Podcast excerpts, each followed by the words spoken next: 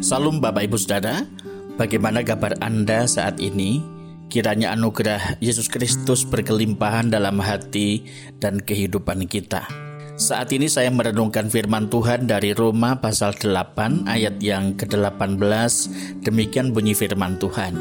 Sebab aku yakin bahwa penderitaan zaman sekarang ini tidak dapat dibandingkan dengan kemuliaan yang akan dinyatakan kepada kita mencicipi kemuliaan surga. Hidup yang kita jalani sebagai anak-anak Tuhan mengalami pasang surut. Kadangkala begitu menggebu dan penuh warna, namun ada kalanya juga suram penuh pergumulan. Sukacita pergumulan silih berganti. Oleh karenanya kita membutuhkan iman yang teguh, tempat kita berpijak supaya tidak tergeser oleh gelombang kehidupan. Iman kepada Kristus sang batu karang yang teguhlah tempat kita berpijak. Nah, karena iman merupakan dasar dari segala sesuatu yang kita harapkan, maka iman menjadi pertolongan terbaik bagi kita saat mengalami kesulitan hidup. Iman kepada Kristus mengajarkan kepada kita suatu keseimbangan antara pencobaan yang sedang kita alami sekarang dengan pengharapan kita akan kemuliaan surgawi. Ketika kesulitan hidup membuat kita mungkin mulai undur dari Tuhan, iman kembali membukakan rahasia surgawi bahwa kesulitan sekarang ini hanyalah sementara dan keteguhan kita menghadapinya justru menjadi kesempatan untuk sedikit mencicipi kemuliaan surga yang kelak akan kita alami secara penuh. Ketika rasa penat karena beban pekerjaan yang berat, iman mengungkapkan akan kebahagiaan kekal yang tersedia bagi kita oleh karena setia dalam tugas panggilan kita.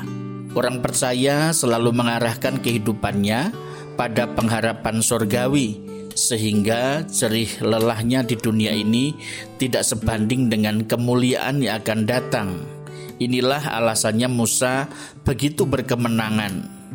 Ia menganggap penghinaan karena Kristus sebagai kekayaan yang lebih besar daripada semua harta Mesir, sebab pandangannya ia arahkan kepada upah kalau kita membaca Ibrani pasal 11 ayat yang ke-26.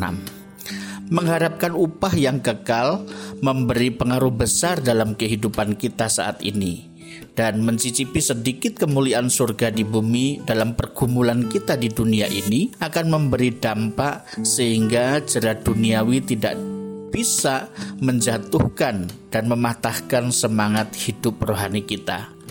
Ketika mengingat panggilan agung dan kekayaan Yerusalem surgawi, kita akan semakin giat dan semakin teguh dalam menunaikan tugas kewajiban memberitakan anugerah kerajaan surga.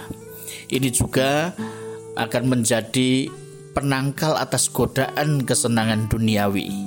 Iman membuat kita dapat melihat sedikit mahkota kebenaran, keadilan yang Allah akan karuniakan kepada setiap kita yang setia.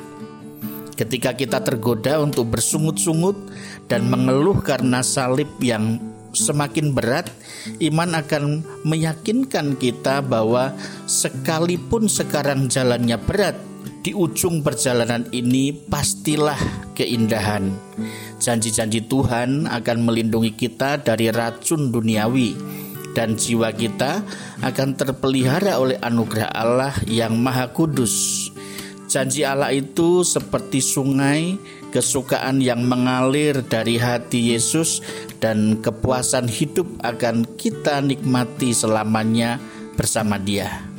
Nah, saudara, saatnya akan tiba di masa penantian Advent ini marilah kita tetap produktif bagi pekerjaannya supaya tiba waktu kita dapat bersuka cita menikmati kasih Allah yang penuh bersama Dia.